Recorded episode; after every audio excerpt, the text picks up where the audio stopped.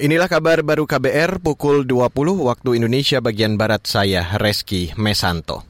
Saudara pemerintah akan mengembalikan program-program penanganan COVID-19 dan pemulihan ekonomi ke kementerian lembaga. Hal ini disampaikan Ketua Komite Penanganan COVID-19 dan Pemulihan Ekonomi Nasional atau KPCPN, Erlangga Artarto. Menurut Erlangga, langkah itu diambil karena Indonesia kini sudah memasuki masa transisi pandemi COVID-19 dikembalikan program penanganan COVID ke Kementerian Kesehatan dan menjadi programnya di Kementerian Kesehatan termasuk penganggarannya di Kementerian Kesehatan. Demikian pula untuk perlindungan sosial itu masuk ke Kementerian Sosial termasuk PKH, sembako dan yang lain juga kembali. Kartu prakerja juga tetap berjalan namun kartu prakerja berubah sifatnya menjadi offline. Kemudian terkait dengan pemulihan ekonomi itu masuk di sektornya masing-masing. Ketua KPCPN sekaligus Menko Perekonomian Erlangga Tarto menambahkan, pasca pandemi COVID-19, Indonesia kini memasuki periode yang tidak pasti. Artinya, situasi yang tidak pasti masih terjadi hingga kini, sekaligus berpotensi menimbulkan sejumlah ancaman baru. Ancaman ini juga bisa berpengaruh terhadap perekonomian nasional.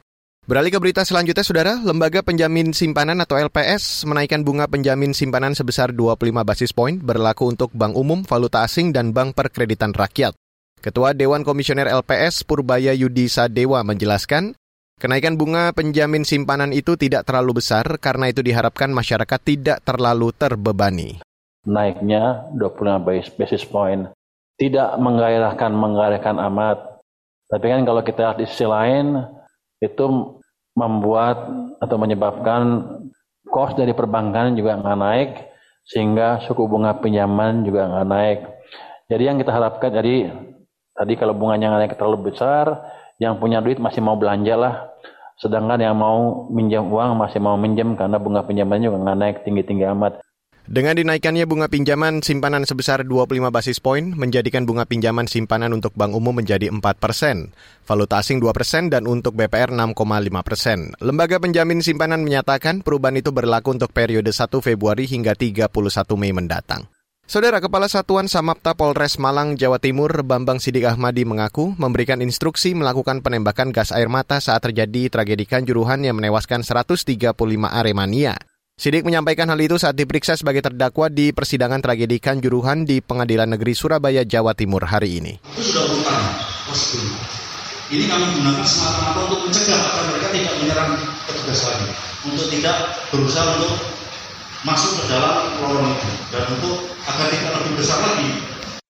Kepala Satuan Samapta Polres Malang, Jawa Timur, Bambang Sidik Ahmadi menambahkan, tindakan penembakan gas air mata sudah sesuai peraturan Kapolri tahun 2009.